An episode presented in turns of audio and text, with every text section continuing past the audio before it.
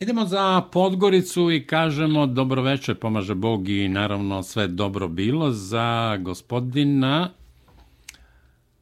Dalibora Kavarića, advokata Mitropolije Crnogorsko-Primorske. Hteo sam, Dalibore, da dodam još nešto, ali evo, neka ostane samo na ovome. Dakle, prijateljski, bratski pozdrav i pomaže Bog, dobrodošli na talase Srpkog radija Čikago. Bog vam pomogao, lično, vašoj porodici, svim vašim slušalcima i njihovim porodicama želim ugodne božićne blagdane i srećnu novu godinu. Hvala takođe. Pa, evo Dalibore, ja bih se pre svega osvrnuo na intervju koji ste vi dali, čini mi se, za Beogradske novosti, u kojem između ostalo kažete da su poruke predstavnika bivšeg režima Mila Đukanovića da će 8. januara imovina Srpske pravoslavne crkve preći u državno vlasništvo, A vi ste naravno pravni zastupnik Srpske pravoslavne crkve u Crnoj Gori, odnosno Mitropolije Crnogorsko-Primorske i ocenili ste da je to netačno, laičko i zlonamerno tumačenje nepostojići članova 62, 63 i 64 ranijeg zakona o slobodi veroispovesti, pa molim vas da nam to pojasnite. U redu. Hvala na prilici da za potrebe vaših slušalaca razjasnim ova pitanja koja su izazvala izvjesno uznemirenje kod naših građana kojima je stalo do mira i sigurnosti i bezbjednosti ljudi, imovine i slobodnog ispovedanja pravoslavne hrišćanske vjere u Crnoj Gori, a tragom informacije da su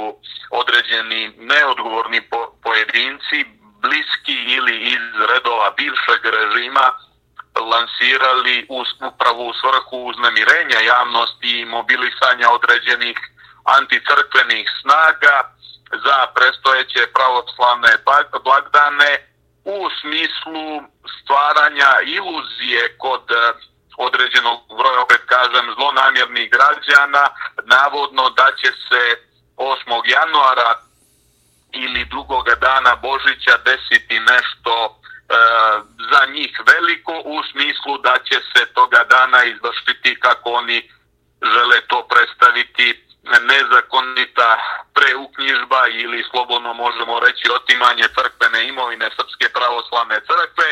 a sve sa pozivom na raniji zakon o slobodi vjeroispovijesti.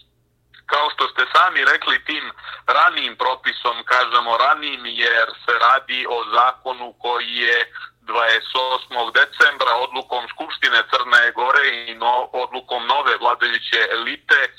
stavljen van snage zakonom o izmjenama i dopunama, do duše kao što je poznato, a o tome ćemo govoriti u drugom dijelu našeg intervjua, predsjednik države odbio da potpiše taj novi zakon o izmjenama i dopunama, tako da je formalno pravno taj raniji propis i dalje na snazi,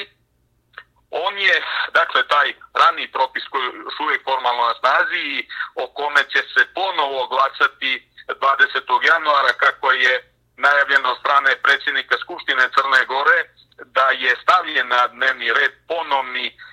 ponovno glasanje o zakonu o izmjenama i dopunama, ali tim ranim odredbama članova 62, 63 64 bilo je propisano e,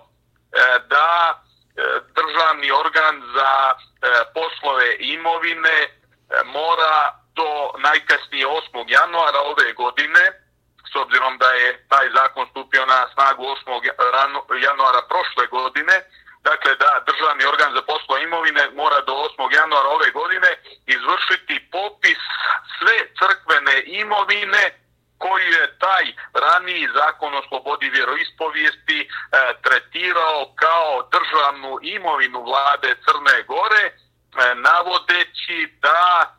postoji pretpostavka da je sva imovina do 1918. godine koja se i dalje vodi na crkvu u stvari državna imovina. Dakle, do 8. januara ove godine taj e, nadležni državni organ za poslove imovine je bio dužan da praktično popiše sve hramove, e, druge crkvene nepokretnosti i zemljište e, i napravi određeni popis te imovine kako bi opet po tom članu 63 ta isti organ bio dužan da katastru u Crnoj Gori podnese zahtjev za upis te imovine na državu. Dakle, do 8. januara je bilo predviđeno da se izvrši popis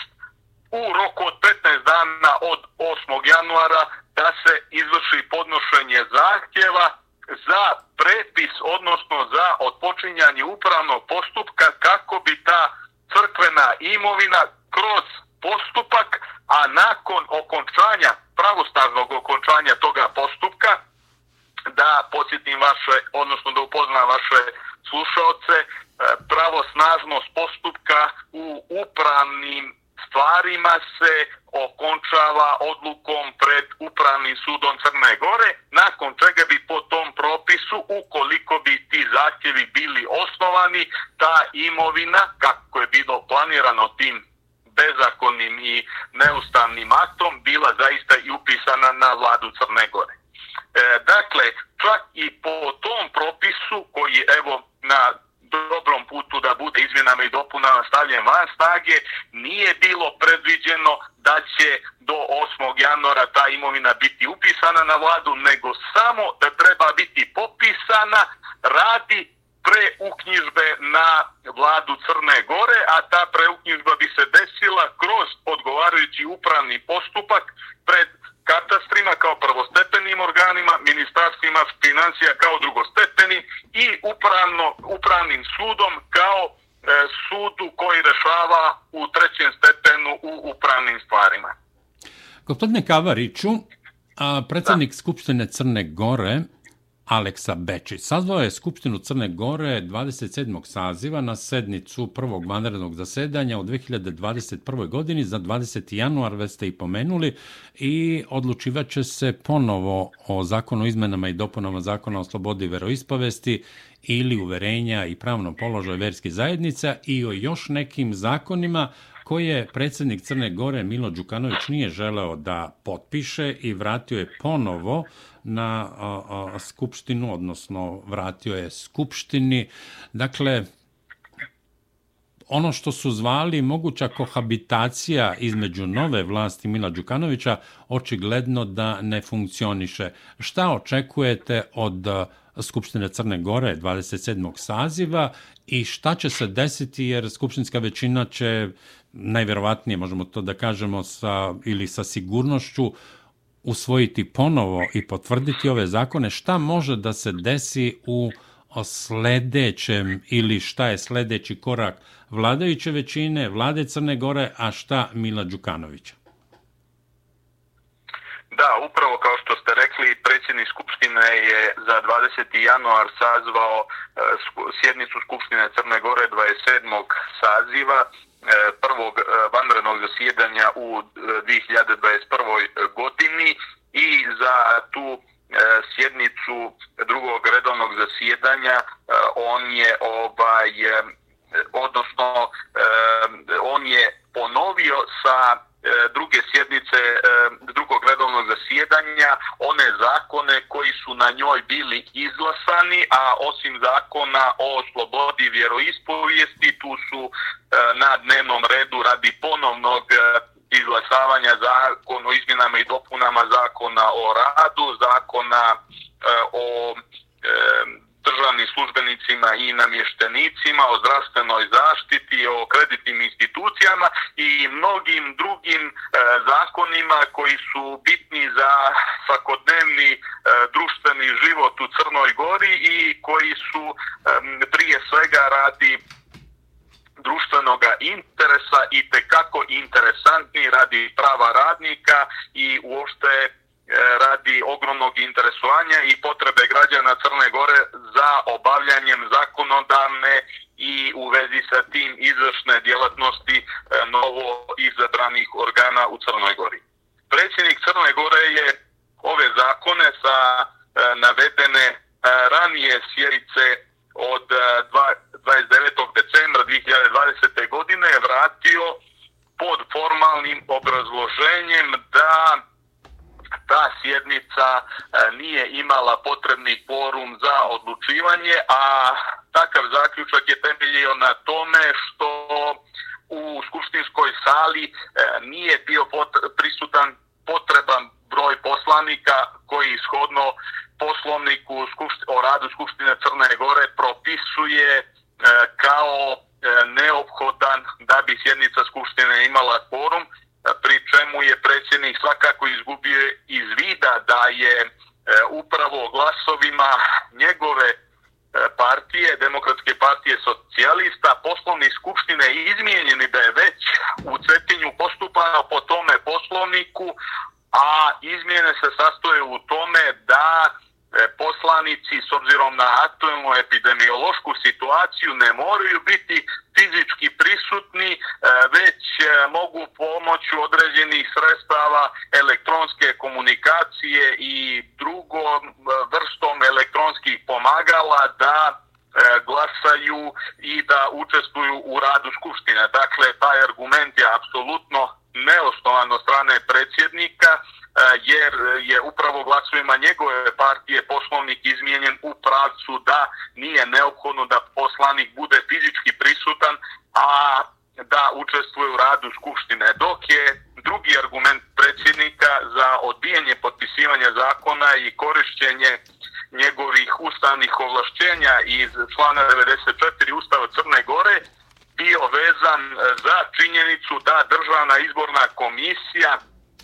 nije na adekvatan način konstatovala prestanak mandata poslaniku Adžiću i da nije potvrdila e, mandat, odnosno postojanje mandata e, poslanici Suadi Zoronjić, e, koja je stupila na mjesto poslanika Adžića. U vezi ovih okolnosti i činjenica, E, istakao sam već u jednoj izjavi da je očigledna namjera predsjednika, nažalost, da E, izazove vještačku ustavnu krizu, a e, neki e, poslanici, odnosno